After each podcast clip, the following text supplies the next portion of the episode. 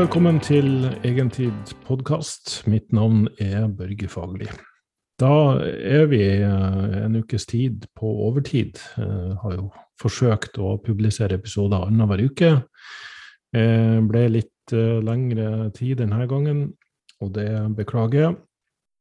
I tillegg så er det da sesongavslutning. Jeg har vel kommet til det punktet at Eh, jeg må samle meg litt, jeg må finne litt ut av om jeg skal fortsette med podkast, og i så fall i hvilken retning. Eh, jeg har alltid mye jeg kan snakke om, og mange tema, men eh, prioriteringene endrer seg litt. Og dette er jo noe jeg kun gjør av egen interesse, for å liksom dele det jeg tenker på, det jeg tror på, hvordan jeg gjør ting med, med alle kundene mine. Eh, så vi, vi, får se hva det blir til. Jeg kommer nok til å sette i gang igjen til høsten, men eh, jeg må liksom ta litt eh, egentid for å finne ut av hva jeg skal gjøre videre med, med eventuelle podkaster. Så jeg vil takke alle sammen for å ha fulgt med så lenge. Og for alle gode innspill og gode tilbakemeldinger. Jeg har tenkt å avslutte uh, sesongen med å snakke om uh, levealder, eller rett og slett uh, hvordan du kan leve lenge ved god helse. Så vi går rett på, rett og slett. Jeg har jo forsøkt å, å skrive noen notater her og stikkord over ting man skal gå igjennom, og det blir fort veldig omfattende. Så for å liksom koker det ned til det veldig sånn praktiske. Her kan vi sitte og teorisere hele dagen lang og, og spekulere i ulike ting vi, vi, kan gjøre, men for å si det sånn, hvor, hvor, gammel du blir, er i stor grad styrt av arv og genetikk. Eh, og så er det en viss prosentandel vi kan eh, påvirke med miljøet og hva vi gjør med livet vårt. Men jeg tror vi skal også tenke sånn at vi har noe som heter en biologisk alder, og så har vi en kronologisk alder. Altså Kronologisk er jo naturlig nok, da er du 80 år, så har du hatt 80 bursdager. Mens den biologiske alderen er jo hvor eh, frisk du er, for å si det enkelt. Eh, det finnes mange forskjellige markører eh, på helse og levealder vi kan måle. Og her eh, strides de lærde, rett og slett, på hva som er viktig, og hva som er mindre viktig. Eh, men jeg, jeg, tenker jo som så at det er ikke viktig å bare leve lenge, men også ha god helse. Så um, jeg vil kanskje heller være en sprek 80-åring enn en 100-åring som, som, har visna fullstendig. Eh, det er jo min, mitt mål, i hvert fall. Eh, og arv og genetikk får man ikke gjort så fryktelig mye med, men vi har jo noe som heter epigenetikk. Sånn at de genene du har, kan du i hvert fall gjøre best mulig ut av. Selv om du ikke får gjort noe med det genmaterialet, med mindre vi finner opp tidsmaskiner der vi kan gå tilbake i tid og velge andre foreldre. Eh, det tror jeg ikke er realistisk. Eh, så eh, grovt sett så er det jo hvordan du har det fysisk, og hvordan du har det mentalt. Og de to tingene henger jo veldig tett sammen. Det er jo ingen tvil om det. har du en kropp som ikke fungerer spesielt bra, så kan det påvirke hjernefunksjonen, og også at du uh, blir mer eller mindre optimistisk for uh, hvordan livet skal være. Så jeg tror alle kan ha nytte av å tenke hvordan er et meningsfylt liv? Hvordan vil du at alderdommen din skal være? Jeg tror veldig mange av oss driver og jager vår egen hale og eh, tenker kanskje ikke over eh, hvordan vi faktisk vil at vår alderdom skal være. Hva ønsker du å se tilbake på når du forlater denne eh, tilværelsen? Um, og det har vi jo hatt ganske mange filosofiske hjørner på de tidligere podkastene, og snakka om det her mentale stresset vi mange har. Uh, at vi må og burde fryktelig mye, og um, kanskje gjøre litt for lite av det vi faktisk ønsker. Uh, og har en avveining der, for det er jo selvfølgelig ikke sånn at vi bare kan gjøre det vi ønsker. Det er ikke alt det vi ønsker som faktisk er uh, sunt for oss heller. Eh, pluss at vi må jo forholde oss til samfunnets uh, etiske og moralske regler også. Vi kan jo ikke bare uh, fly rundt og ja, gjøre ting på impuls. Men hvis vi i hvert fall tar en sånn fin oversikt Vi kan jo også si rent sånn fysisk, så er jo da å ha nok muskelmasse ganske viktig. Vi taper mellom 35 og 40 uh, muskelmasse fra vi er 20 og til vi er 80. Og sånn anslagsvis mellom 2-4% styrke per år. Og Der ser det ut som både grepsstyrke og beinstyrke er ganske viktig, naturlig nok. Både overkropp og bein er viktig for at vi skal være funksjonelle. Uh, og det kan vi se litt på senere, hvordan vi kan bevare de tingene der. Men sånn i stikkordsform også, så, så, har vi de viktigste faktorene for å ha god helse, i hvert fall. Og har du god helse, så kan vi også si at sannsynligheten for at du skal bevare den helsa uh, til du er gammel, og også ha sannsynlighet for å leve lenge, er litt større. Så eh, på min liste så har jeg farmasøytiske midler, inkludert smertestillende. Og ikke overdrive bruken av det, men uh, kun bruke ved nødvendighet. Og kanskje i stor grad forsøke å se nærmere på årsaker heller enn symptomer. Det er jo fryktelig mye sånn symptombehandling i stedet for å ta tak i roten til det som uh, er problemet. Eh, miljøbelastning og giftstoffer. Vi har jo en helt annen verden i dag enn da vi hadde for bare én til to generasjoner siden. Og um, vi får håpe at det har endra seg i positiv retning. Um, det er jo i hvert fall noe jeg håper. Uh, men uh, jo mer kunnskap vi har, uh, jo mer håper jeg jo at den kunnskapen kan brukes til å reversere de miljømessige endringene og, og, påkjenningene som har skjedd i det siste. Det hjelper jo ikke å leve lenge hvis vi ikke har en planet som er bærekraftig. Eh, men utover da, så kan jo du, det du har kontroll over, er jo hva du utsetter for av ulike toksiner i, i, miljøet ditt. Og kanskje forsøke å ha litt bevissthet rundt hva både maten du spiser innehar av gift, og hva ulike kjemikalier vi påfører kroppen vår.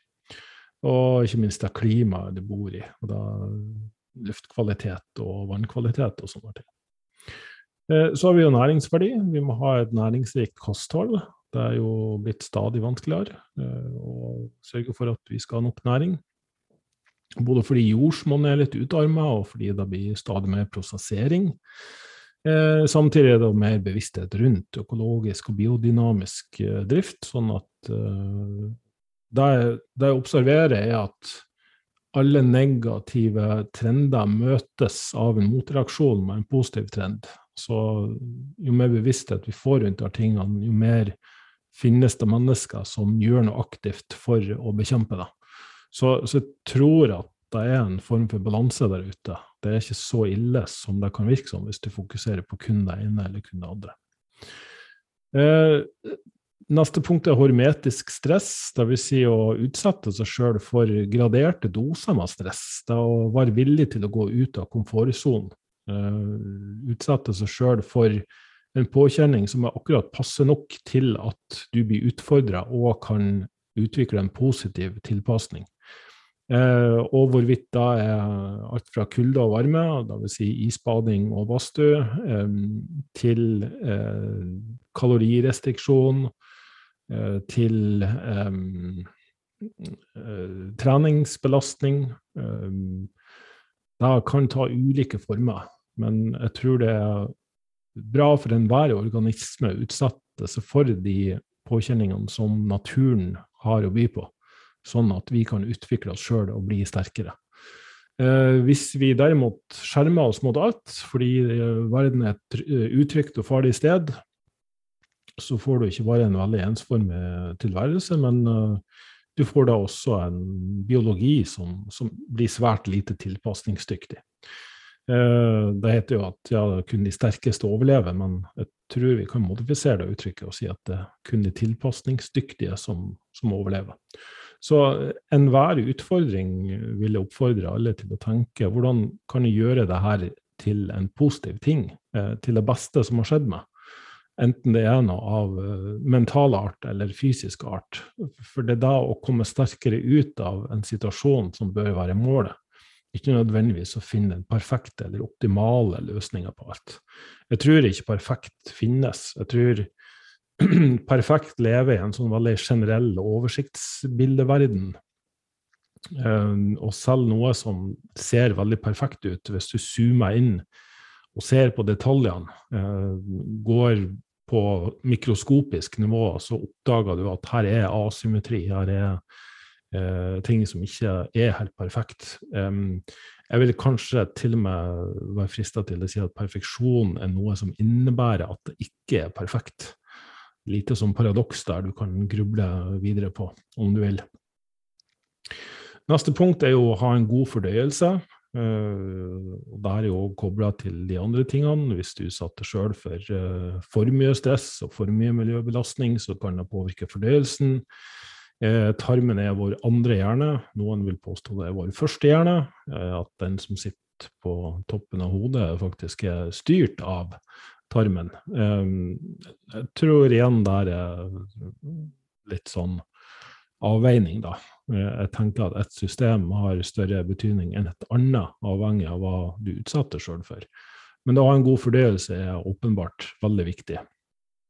Og Der kan man se nærmere på har du ulike intoleranser, har du eh, lekkasje i tarmcelleveggen, har du for lite magesyre, enzymproduksjon. Eh, for, for mange er det, det er et symptom på noe annet. Og der kan da også ende opp med å bli en årsak til at det oppstår sykdom. Så, så jeg ser alltid på magefunksjonen og sørger for å gjøre så godt jeg kan der. Mentalt stress, er det egentlig så viktig det du gjør? Begynne å sortere litt opp i hva som er viktig og ikke viktig, hva som haster og ikke haster. Gå gjennom det her med både konflikthåndtering og negativt selvsnakk, som jeg har snakka om i tidligere episoder. Eh, fokusere på hva du ønsker i større grad. Uh, bruke disiplin og viljestyrke for å oppnå mer av det du ønsker, uh, i stedet for å tenke på at du hele tida skal begrense og holde unna det som er godt i livet ditt, for å være et godt menneske. Jeg tror i det hele tatt vi kan ha nytte av litt selvransakelse innimellom. Hva innebærer et godt liv, og hva innebærer det å være et godt menneske? Uh, ha litt sånn filosofisk perspektiv på ulike ting, i stedet for å falle for uh, den illusjonen om at uh, utseende, status, penger osv. Det, det er fort gjort å havne i den. offer for deg sjøl. Og må stadig vekk ta en liten innsjekk på hva er det som egentlig betyr noe. Hva er det som gir meg glede. Og jeg har jo innsett at jo mer jeg lever i virkeligheten, i verden sånn som den utfolder seg, og, uh, og mindre i hva jeg tenker rundt ulike ting Tanker vil du ha uansett, hele tida. Men hvis stresset jeg kjenner på, er basert på tanker om fortid og potensiell fremtid, uh, så er det ikke nødvendigvis så produktivt, med mindre du faktisk bruker det til å Eh, til bevisstgjøring, til å finne ut av hva, hva, det egentlig er som foregår, og stille gode spørsmål rundt det. Bevegelse. Helt åpenbart at vi må ha som organisme nok fysisk bevegelse for å ha god helse. Vi må ha nok sollys og dagslys, og vi må ha nok mørke og søvn eh, på andre sida. Yin og yang. Fryktelig mye i en organisme som er avhengig av eh, yin og yang, rett og slett. Inflammasjon, kontrollere betennelsestilstander i kroppen. Igjen er jo det her kobla til eh, de andre faktorene jeg nettopp har nevnt. Så hvorvidt inflammasjon er et symptom eller en årsak. Høna eller egget-paradoks igjen. Det å ha en høy fettprosent og være overvektig er jo veldig åpenbart ikke bra, og da bør adresseres. Det er ikke dermed sagt at det heller er lurt å ha veldig lav fettprosent. Så alle der ute med sixpack og ekstreme treningsmengder, ikke sikkert du klarer å holde, opprettholde det til du er 80 eh, med god helse. Så, så kanskje greit å eh, gjerne jage etter det, utsette seg sjøl for det en viss periode av livet. Men jeg vil komme til et punkt der det ikke nødvendigvis er, det beste for å leve lenge og ha det bra med seg sjøl. Så, så alltid greit å ha litt bevissthet rundt da, hvorfor du egentlig holder på med det du gjør. immunfunksjon og immunforsvar. Høyst aktuelt etter to år med korona, som nå flere og flere begynner å anse som en vanlig influensa, og som muligens en overreaksjon. Skal ikke engang gå inn på den diskusjonen, men jeg tenker som så at å ha et immunforsvar som er i stand til å bekjempe bakterier, parasitter og virus, og ikke gå til angrep på egne celler, som det vi kaller autoimmun eh, sykdom, kan være veldig fornuftig. Og i senteret av alt dette er jo mitokondriell funksjon. Eh, cellekraftverket, kjernekraftverket eller kommandosenteret i cellen, som styrer og regulerer alt. Jeg var vel innom det i forrige episode, så hør gjerne litt på den igjen. Så fra et overordna strategi Jeg kunne jo ha snakka en hel episode om alle de her tingene, og det har jeg for så vidt også gjort. Så, så, jeg tenker å ha en sånn fin oppsummering her på litt sånn takeaways på, på hva jeg tenker kan være fornuftig som en overordna strategi. Eh, og da kan vi starte med biorytmer. Eh, jeg tenker det er fornuftig å ha tidsbegrensa spisevindu. Dvs. Si å ikke spise mat kontinuerlig gjennom hele våkne, alle døgnets våkne timer. Men uh, spise all maten du skal spise i løpet av en dag, uh, på seks til tolv timer. For noen kan Seks timer være fint, for da å begrense spisevinduet og spise færre større måltid uh, gjør at man spontant spiser mindre. For noen uh, kan det dra så langt at de rett og slett får en form for spiseforstyrrelse. At det blir om å gjøre å trykke i seg mest mulig mat på kortest mulig tid, fordi du nå ikke får spise på veldig lang tid. Så for noen kan to store måltid på seks timer var fint en periode, mens for noen så oppfordrer jeg faktisk heller tre til fire måltid i løpet av tolv timer. Så du har tolv timer av, tolv timer på. Jeg vil også si at de fleste burde unngå å spise mye seint, og spesielt av hurtige karbohydrater og store mengder med fett.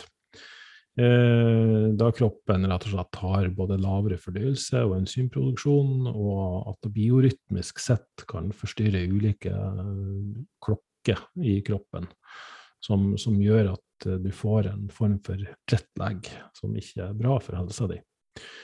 Jeg tror også mange kan ha godt av å spise mer kalorier tidligere på dagen, samtidig som de spiser mindre senere på dagen. Men la kalorier generelt følge aktivitetsmønsteret ditt. Eh, og da være stillesittende hele dagen for så å ta ei heftig treningsøkt sent på kvelden med massive mengder kalorier.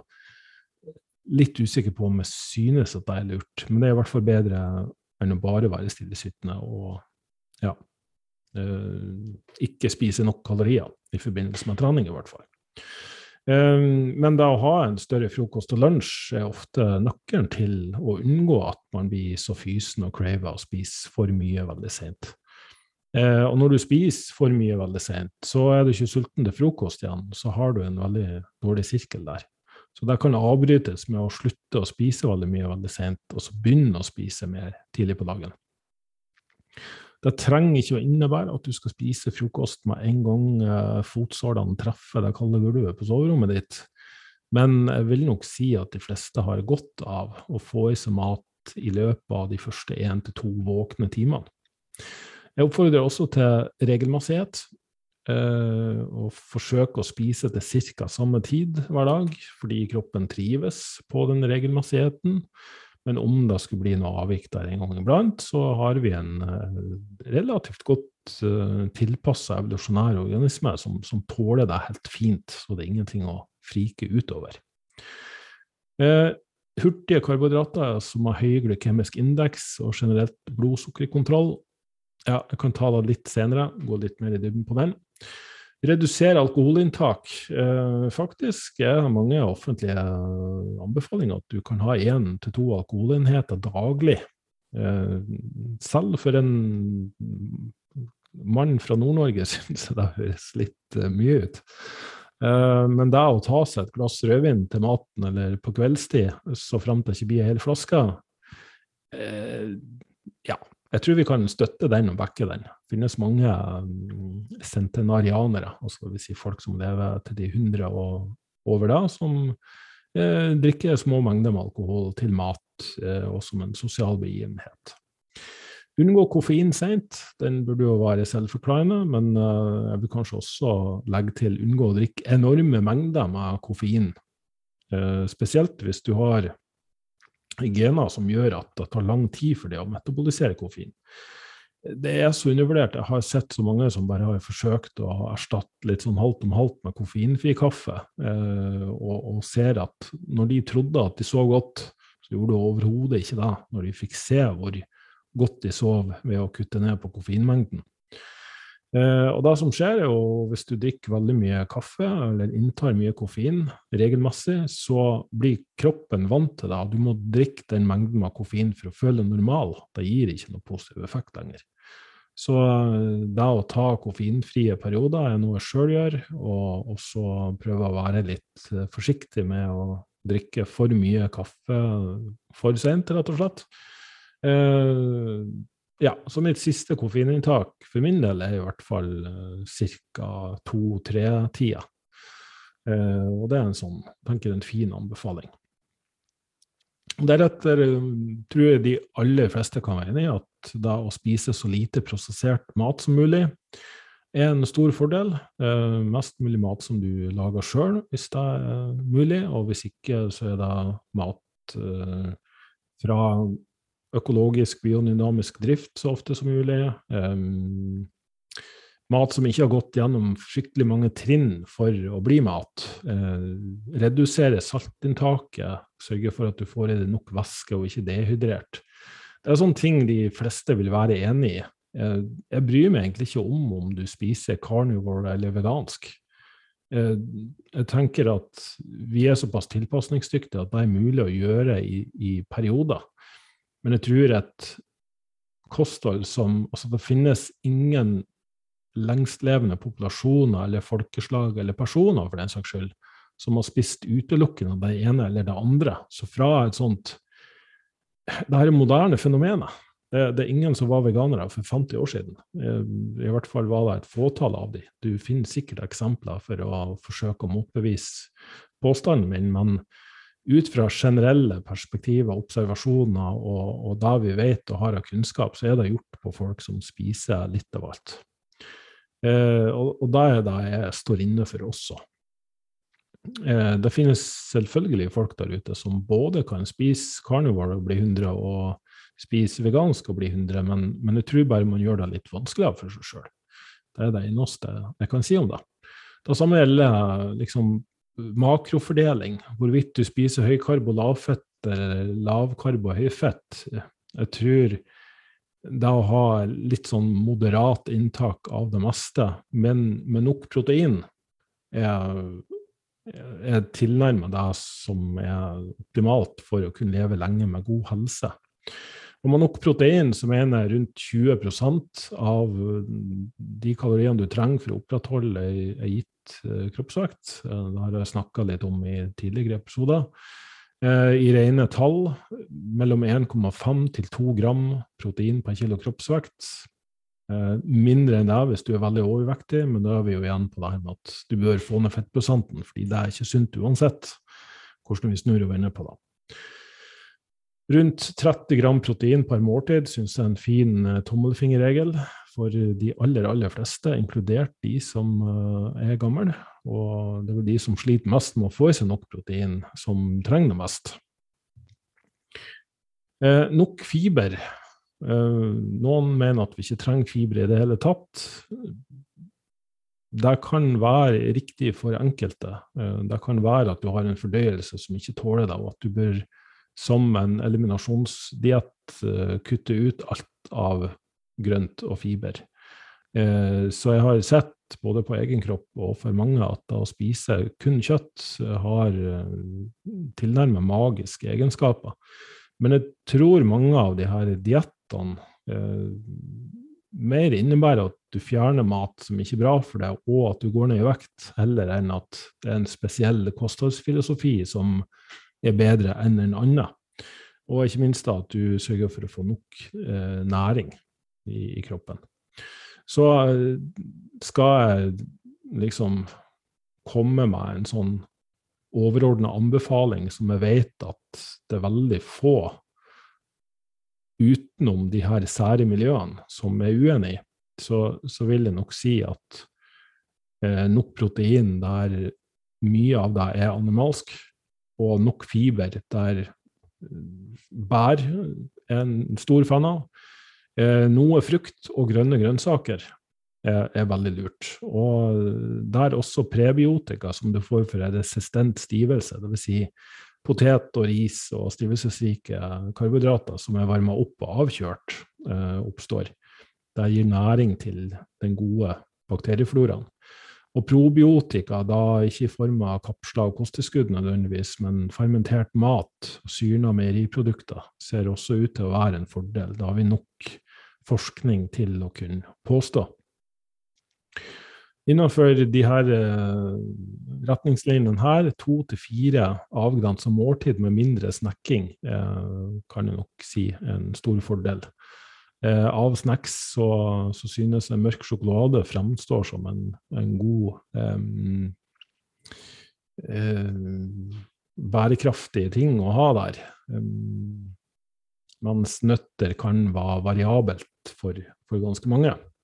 God blodsukkerkontroll det er å sørge for at man ikke får veldig høyt eller veldig lavt blodsukker før etter og Altså med etter mener umiddelbart etter og de neste én til to timene etter et måltid. Eh, for de som får det, så er jo mye gjort ved å gå ned i vekt eh, og få bedre insulinfølsomhet eh, ved aktivitet. Gå en tur etter et måltid kan funke. Men juster karbohydratinntaket og karbohydrattypene for å sørge for at det er mulig. Eventuelt kan inntak av eddik eller noe syrlig for måltid hjelpe på. Eh, Der viste studier at fem gram kanel i forbindelse med måltid Det blir en ganske heftig dose, vi snakker en teskje med kanel. Men jeg ramser nå egentlig bare opp det som jeg har lest, kan, kan, fungere. Det finnes andre ting også, men det er i hvert fall de her som er litt sånn gjengangere. Eh, en anbefaling vil også være mer fisk og sjømat for de aller fleste. Den er jo litt debattert i og med at det er mer miljøgifter i havet nå enn før. Men samtidig finnes det stoffer som f.eks. selen i sjømat som binder opp giftstoffer. Eh, så, hvis du igjen er litt sånn nøye med kildene til det her, så så tror jeg det er også en anbefaling vi kan stå inne for. Og omega-3-fettsyren EPA og DHA 500-1000 mg per dag. Noen vil hevde at vi skal få i oss mer enn det, men jeg ser ikke at de aller største helsefordelene at, at bare jo mer, jo bedre. Det er veldig lite som er bedre jo mer av det du tar. Så det er i hvert fall en sånn anbefaling som jeg kan stå inne for. Eh, det som også går igjen i veldig mange anbefalinger, er jo nøtter, bønner, linser og fullkorn. Noe kontroversielt, fordi mange reagerer svært negativt på det. Nøtter er jo eh, noe som kan inneholde alt fra, fra toksin til eh, allergener, så det er ikke alle som tåler det. Bønner og linser bør kokes veldig lenge og brukes ulike tilberedningsmetoder for at det skal fungere. Fullkorn bør jo fermenteres, syrnes, melkesyregjæres for å bli mer fordøyelig. Så, så det er ting som har fiber og såkalte antinæringsstoffer som bør eh, behandles for at kroppen skal kunne klare å ta det opp uten å forårsake noen problemer for, for, veldig mange av oss. Eh, mikronæring sørger for at du treffer på de fleste sånn optimalt, ikke optimalt, men eh, anbefalt daglig inntak, eh, ADI. Eh, der er en, eh, en nettside som heter Kronometer, C-H-R-O-N-O, kronometer.com, som har eh, det amerikanske database, men det vil fungere for norske matvarer også. Der du får verifiserte eh, næringsinnhold i de matvarene du plotter inn, sånn at du får se at du er ca. der du bør være, får en score på det. det kan være verdt å bruke. Jeg vet mange bruker MyFitnessPal og LifeSum. Ulempen med de databasene er at det er så fryktelig mange matvarer som ikke er validert. Jeg har sjøl måttet gått inn og redigert mikronæringsinnhold fordi det rett og slett ikke stemmer. Det står i null, eller det er for høyt eller for lavt. Så, så det er litt av en sånn utfordring. Men det er kun òg for å få en viss formening om hvor du befinner deg på, på skalaen. da. Um, så finnes det mange forskjellige kosttilskudd som lover at de skal gi deg et lengre liv. Veldig lite imponert, må jeg si. Jeg kan vel egentlig ikke si at det er verken kosttilskudd eller legemidler som så langt er Ja, det er mye som er lovende, men vi har ikke nok data ennå til at vi kan si at det gir garantert eh, evnen til å leve lenge med god helse. Det er også debattert hvorvidt kalorirestriksjon, det å spise kronisk veldig lite mat, ikke veldig lite, men vi snakker mellom 10 og 30% lavere kaloriinntak enn det et, skal vi si, et normalt vedlikeholdsnivå i kalorier vil være. Litt, litt, usikker på den. Det fungerer svært godt på dyr. De populasjonene vi ser som fungerer på lite kalorier, er også veldig små av vekst. Mange av de centenarianerne og de folkegruppene som er studert, de såkalte blå soner eller blue zones, de er 10-20 cm lavere av vekst enn det vi i hvert fall i Norden er. Så jeg er litt usikker på om dette er noe som ukritisk kan appliseres av alle. Eh, og på den motsatte sida så, har du den bioenergetiske modellen, der vi skal eh, gjøre det vi kan for både mitokondriell funksjon, og at ting skal fungere optimalt med metabolisme, forbrenning, velvære, energi. Eh, og jeg heller vel kanskje litt mer i den retning at hvis vi gjør mange ting som innebærer restriksjon, og at ting sakker ned for at vi skal leve lenge, så innebærer ikke det nødvendigvis at vi også får god helse. Så det som eventuelt er lurt å gjøre hvis du er syk eller har informasjon, eller at her er funksjoner som er ute av kontroll, betyr ikke at det er det samme som skal til for at du skal kunne leve lenge og ha god helse og masse energi. Så, så er nok kanskje litt mer der å forsøke å etterstrebe at du har høy nok kroppstemperatur og føler det bra gjennom en hel dag og sover godt og får nok lys og i det hele tatt bare er, ja, tar godt vare på det sjøl. Eh, hvorvidt de to tingene er eh, på ytterpunktene og skalaen, vet jeg ikke helt om, jeg vil si. Eh, jeg tror kanskje en viss grad av kalorirestriksjon av og til innimellom er, er lurt, i stedet for å hele tida Det er mange som går i den repeat-verdenen, der du liksom skal innta 200 gram sukker per dag og drikke cola og store mengder karbohydrater og minimere fettinntaket og, og i det hele tatt bare gjøre masse ting for å få få opp kroppstemperatur så høyt som mulig, eller liksom etterstrebe mest mulig kalorier. Mange der opplever at de legger på seg ganske mye fett, så ja, jeg tror vi må tenke mer på individnivå. Eh, og tillate også litt sånn sykliske endringer i, uh, i kaloriinntak. Fordi det er noe som menneskeheten gjennom alle generasjoner og på tvers av geografi har blitt utsatt for uh, gjennom evolusjonshistorien. Så, så jeg heller litt mer i den retninga. En litt sånn sesongbetont variasjon i næringsinntak. Og spiser du da kortere mat som er i sesong, så eh, eh, faller vel det meste av det her på plass av seg sjøl. Ja, det var jo en sånn grov oversikt på maten, i hvert fall. Så da er det trening og aktivitet regelmessig fysisk aktivitet, da å stå og gå mer i løpet av en dag. Jeg har eh, sjøl snakka om at jeg har ei gåmølle. Eh, jeg har investert i en ellipsemaskin, sånn at jeg får eh, trent litt kondisjon også. Og både stabilitet, styrke og utholdenhet. Og av utholdenhet så er det både aerob og anaerob utholdenhet viktige elementer for å sikre at fysiologien opererer optimalt. Jeg har tidligere snakka om og blitt veldig interessert i såkalt sone 2-trening, som innebærer at du trener rundt um, 60-70% i puls, eller følger du Olympiatoppen sine soner og uh, får tatt en makspulstest uh, uh, og finne ut hvor det skal befinne seg, så er i hvert fall det bedre enn de her kalkulatorene. Jeg fant f.eks. ut at min egen makspuls var nesten ti slag over den beregna, så det har jo litt å si for hvor, jeg burde befinne meg hen.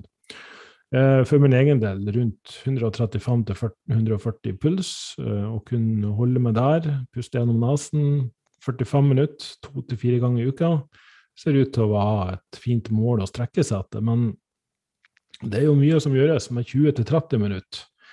Eh, det er snakketempo. Du skal kunne puste gjennom nesa.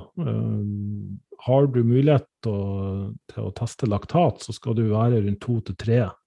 Altså det er under terskel. Og det er viktig å skille mellom trening for prestasjon og trening for lengre levealder eller helsealder. da. Så prestasjon krever mye mer trening enn det her. Eh, ti til tolv timer trening i uka for topptrente, og gjerne mer, på, på elitenivå. Det er en helt annen banehalvdel liksom, enn det vi snakker om her, for å kunne ha god nok kondisjon til at uh, fysiologien din fungerer. Uh, men jeg synes personlig i hvert fall at det uh, er ikke noe problem å få inn de rundt 40-45 minuttene i det tempoet. Og det jeg opplever nå, er jo at formen begynner å bli såpass bra at det kan kjøre i høyere tempo og likevel holde med under laktatterskel og holde pulsen på et passe nivå.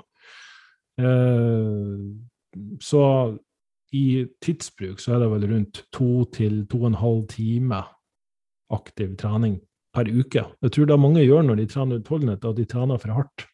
Og de klarer ikke å trene nok. Eh, og til og med de som har ambisjoner om å eh, konkurrere i utholdenhet, trener for mye på for høy intensitet.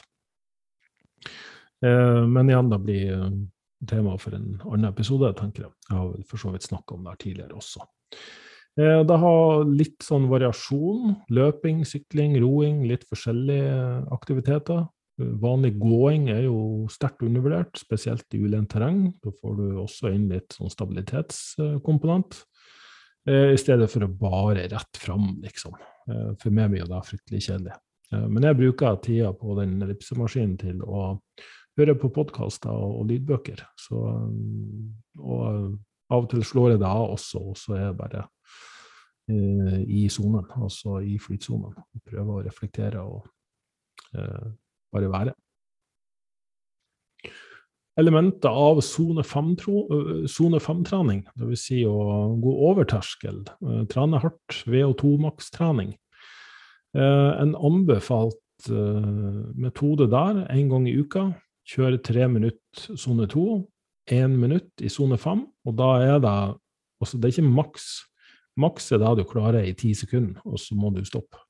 Så du skal kunne klare ett minutt. Eh, fire ganger fire-intervaller kan også brukes eh, til det her, men det er faktisk eh, hakket høyere også intensitetsmessig. Og det her kan du kjøre i totalt 20-30 minutter.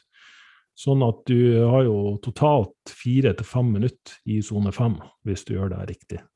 Så, så, det er ikke voldsomt mye trening som trengs i den høyere intensiteten der. Du kan også bruke såkalte tabata-intervaller, men da vil jeg ha snudd på deg. I stedet for å kjøre eh, 20 sekunder hardt, 10 sekunder rolig, eh, så ville jeg ha kjørt 10 sekunder hardt, 20 sekunder rolig. Rett og slett fordi den tabataen er en veldig ekstrem protokoll. Men en form for intervalltrening der du får litt tid i høyere pulssone, er nok også fornuftig, men du trenger ikke å gjøre det mer enn en gang i uka, vil jeg si. Eller si én til to ganger per ti dager, da.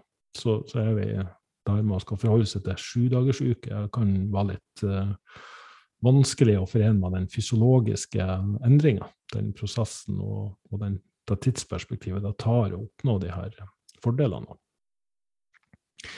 Jeg tenker også at da å kunne gå ned på huk og reise opp eh, er lurt. Trenger ikke å innebære at du skal ha ei stang med 100 kg på nakken og kjøre knebøy. Men en goblet squat, som det heter, da holder en manual eller kettlebell eh, foran brystet og kunne sette seg ned. er noe jeg ville forsøkt å etterstrebe og få til. Da å komme seg opp fra gulvet, det er noe som heter Turkish getup. Med ei vekt i den ene armen. Den kan du jo søke opp på YouTube og, og se hvordan du gjør den. Eller rett og slett bare se at du har styrke, støttefunksjon og mobilitet til å kunne legge det ned på gulvet med, og reise det opp med kun et støttepunkt. Dvs. Si at du ikke må ta det for med å stå på alle fire for å klare å komme deg opp. Da tror jeg det er veldig lurt. Da kunne gå med handleposer eller kofferter i hver arm, farmers walk, eller bare med en koffert i én arm over en viss distanse. Det ville også hatt elementer av. Ehm, det å kunne skyve noe og dra noe tror jeg også er lurt. Så har du sånne sleder på gymmet der du kan eh, skyve og dra, så tror jeg det er en viktig del av å, å ha god helse og være sterk og funksjonell. Angående styrkeprogrammet, så vil jeg bare snakke der også i generelle termer. Programoppsatt er jo like mye en kunst som en vitenskap, og det er veldig mange individuelle hensyn man kan ta. Men jeg tror for de aller fleste et program de kan ha resten av sitt liv, det er to til tre dager med styrketrening. Helkropp med variasjon i øvelser fra gang til gang, altså at du ikke trener akkurat de samme øvelsene hver gang, men har litt, litt endring i bevegelsesbane eller uh, biomekanikk. Alternativt overkropp-bein uh, annenhver gang. Um, Mesteparten er gjort med to til tre sett, både med styrke og muskelmasse. Um, skulle jeg ha valgt ett repsområde, så ville det ha vært fem til åtte reps, og ha en mer langsiktig uh, progresjon. Spre det mer utover tid, ikke prøve å jage etter og skal legge på fem kilo hver gang. Uh, der er det ingen som klarer, rett og slett. Så, så ha litt uh, tålmodighet der, tror jeg er lurt. Åtte til tolv repetisjoner, dvs. Si litt høyere repetisjoner ved behov, og en gang iblant å trene høyere repetisjoner opp i sånn 15-20-25 repetisjoner, tror jeg også er lurt. Uten at vi har veldig mye god forskning som sier at det er nødvendig. Men um, det er i hvert fall mitt som perspektiv på det, å ikke låse det fast i noe der. Men å ha kontrollert utførelse tror jeg også er lurt. Eh, senk vekta i hvert fall med bruk tre til fire sekunder ned. Du kan gjerne løfte eksplosivt hvis du tåler det, hvis ikke så løfter du mer kontrollert. To til tre minutter pause minimum mellom hvert sett, sånn at eh, når du trener styrke, så trener du styrke og ikke kondisjon samtidig som du trener styrke. Da kan du heller trene kondisjon utenom. Eh, men da vil du ikke ha brukt markløft og knebøy og benkpress. Eh, sant? Da vil ha brukt litt andre øvelser, kanskje litt mer eksplosive øvelser med lette vekter. Så du bør faktisk ha to til tre minutter pause for å få nok utbytte. Akkurat når det gjelder trening for styrke og muskelbygging, så bør du etterstrebe å redusere utmattelsen og maksimere stimulansen. Uh, utmattelse følger med på trening du gjør for å bli sterk og bygge muskler, men du bør ikke gå inn for å få mest mulig utmattelse. Eh, kjernetrening og stabilitet. Eh, kjerne, dvs. Si mage. Eh, ikke bare rett fram, men også sideveis og motvirke rotasjon. Stabilitetstrening for kne, skuldre og ankler ved stabiliseringsøvelser eller støtteøvelser. Da vil jeg også ha anbefalt. Og ikke være redd for å ta en ekstra hviledag her og der. Eh, jeg tror mange av oss blir litt for opptatt av å skal følge et program, og litt for lite nysgjerrig på hva som foregår i kroppen, og hvordan vi føler oss. Men selvfølgelig svært mye her gjøres hvis du klarer å balansere den belastninga du utsatte sjøl for, med nok restitusjon og hvile. Eh, det er den glemte delen av ligninga. Det at vi jager sånn at og skal belaste oss sjøl og, og oppsøke de her utfordringene. Men som jeg nevnte her innledningsvis, da å gå ut av komfortsonen er viktig. Å gå inn i strekksonen for å oppnå utvikling og vekst. Men du må også da vite når du skal tilbake i komfortsonen for at eh, fysiologien og biologien din skal få mulighet til å, å adaptere og tilpasse og bli sterkere.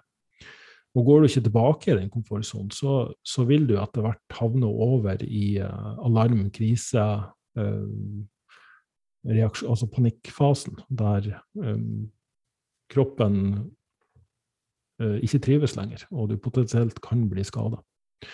og ved å oppholde seg tilstrekkelig lenge i strekksonen sånn at du kan, og går tilbake i komfortsonen, så vil det som tidligere var din strekksone, bli en ny komfortsone. Og da vil strekksonen kunne strekke seg enda lenger.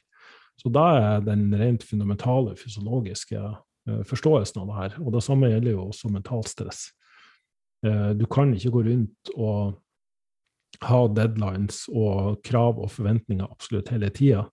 Men det å ha noe å strekke seg etter, og så sette av tid til det sjøl og, og, lade batteriene, da vil du etter hvert kunne, kan tilpasse det og, og, vokse og utvikle seg. Så det var vel egentlig det jeg hadde. Jeg tenker at uh, her fikk vi både litt uh, filosofi, og så fikk vi litt fysiologi. Og uh, det er litt sånn hovedpunktene i min kvalifiserte gjetning på hvordan du kan ha større sjanse for å leve lenge og ha god helse på veien dit. Så jeg tror det siste jeg vil si, er at både jeg og alle andre eksperter kan ta helt feil når det gjelder akkurat det. Jeg kan ha mine meninger og oppfatninger om ting, men jeg er bare en mann, jeg også, et menneske, som oppfatter verden på min måte. Du kan ha en helt annen opplevelse. Så, så da å ha mer tillit til egen intuisjon og magefølelse innebærer at du klarer å skru av litt den eksterne informasjonsflyten innimellom. Eh, ta en detox fra sosiale medier og medier og bøker og lesing, og, og være litt med det sjøl. Verdien av å kjede seg, rett og slett. Det, det er undervurdert. Eh, og den skal jeg ta eh, sjølkritikk på, fordi jeg er ikke spesielt god til å kjede meg. Men jeg har oppdaga at eh, det å kunne sitte litt av og til uten å nødvendigvis ta til telefon eller i bok, eller å sette opp flere to do-lister, det, det, er veldig verdifullt. Og, og, tidsstyring i stedet for å fylle kalenderen med alt mulig rart som skulle ha vært gjort, så, så er det noe med å faktisk mm, kanskje jobbe for å frigjøre tid, um, og så sette mer pris på den tida vi har. Um, det, det, er også noe som blir litt glemt av og til. Jeg vet så mange, det er så mange kunder som kommer til meg og um, er rett og slett helt uh, altså i veggen. Også. De, de er på, på, kanten av sammenbrudd fordi det er så fryktelig mye å forholde seg til, og det er så mye informasjon der ute. Uh, og et av spørsmålene jeg stiller dem, er at man har jo tenkt over hva du eventuelt ønsker å gjøre med den tida vi frigjør. For hvis planen med å få mer fritid er at da skal du gjøre enda mer produktive ting for å oppnå suksess, så vil det virke mot sin hensikt. Så det er igjen tilbake til verdien av faktisk kunne bare være i øyeblikket med de nærmeste, eh, og hvordan verden, universet, tilværelsen oppstår her og nå. Eh, paradoksalt nok det som gir større blaff av lykkerus enn nødvendigvis den anerkjennelsen eller statusen eller det målet. Um, så, så, jeg vil egentlig avslutte på den filosofiske foten og igjen takke for at du har hørt på så langt, og så håper jeg at det her har vært eh, interessant, nyttig, lærerikt og ga litt frø til å spire nye tanker og refleksjoner rundt hva som er et godt liv for det. Så eh, regner jeg jo med at vi høres igjen, men jeg tar i hvert fall en liten pause nå for å finne ut hva jeg ønsker å gjøre med den podkasten her. Og eh, ja. Tusen takk for meg, og for at du hørte på. Ha en fortsatt fin dag, kveld, natt videre.